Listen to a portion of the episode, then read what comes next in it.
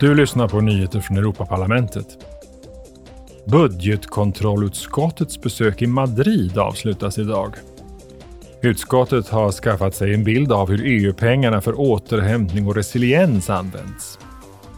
De möter regeringsmedlemmar, regionala myndigheter, arbetsgivar och arbetstagarorganisationer, affärsfolk och undersökande journalister. Spanien var 2021 första EU-land att få en utbetalning från Next Generation EU.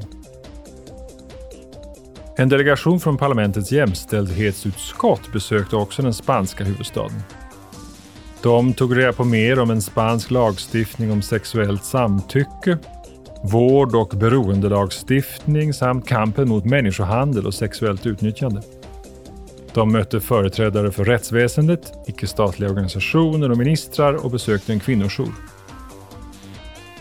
En delegation från underutskottet för säkerhet och försvar är i Bosnien för att utvärdera EUs militära operation Althea och säkerhetsläget i landet. Operation Althea är en militär insats i Bosnien som ska övervaka att Daytonavtalet följs. Delegationen möter medlemmar ur presidentrådet och det nya ministerrådet, parlamentariker och företrädare för internationella organisationer och tankesmedjor. Besöket avslutas imorgon. Du har lyssnat på nyheter från Europaparlamentet.